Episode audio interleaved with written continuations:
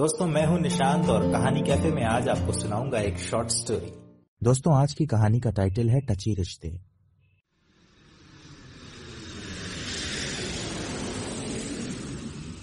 वो एयरपोर्ट से सीधे अस्पताल पहुँचा। बिस्तर पर पापा को उस हाल में लेटा देख उसकी बची खुची हिम्मत जवाब देने लगी। बेजान पैर लड़खड़ाने वाले ही थे कि पास खड़े पड़ोस वाले गर्ग अंकल ने संभाला और बेड के बगल कुर्सी पर बैठाया। तमाम तार और पाइपों से लिपटे पापा के बेहोश शरीर को देख एक बार को उसकी आँख भर आई। फिर फ़ौरन हिम्मत जोड़कर बोला, ये सब कब और कैसे हुआ, अंकल? पापा के मैसेज वगैरह तो रोज ही आते थे और वैसे तो इतना टची है ये, लेकिन कभी ज़िक्र ही नहीं किया इन्होंने अपनी तबीयत का। गर्ग साहब ने अपनी बूढ़ी आँखों पर चश्मा चढ़ाते हुए कहा, ज़िक्र करते भी तो क्या? वैसे बेटा, समस्या दरअसल यही है।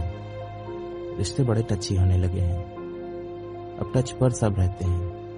टच में कोई नहीं रहता बेटा।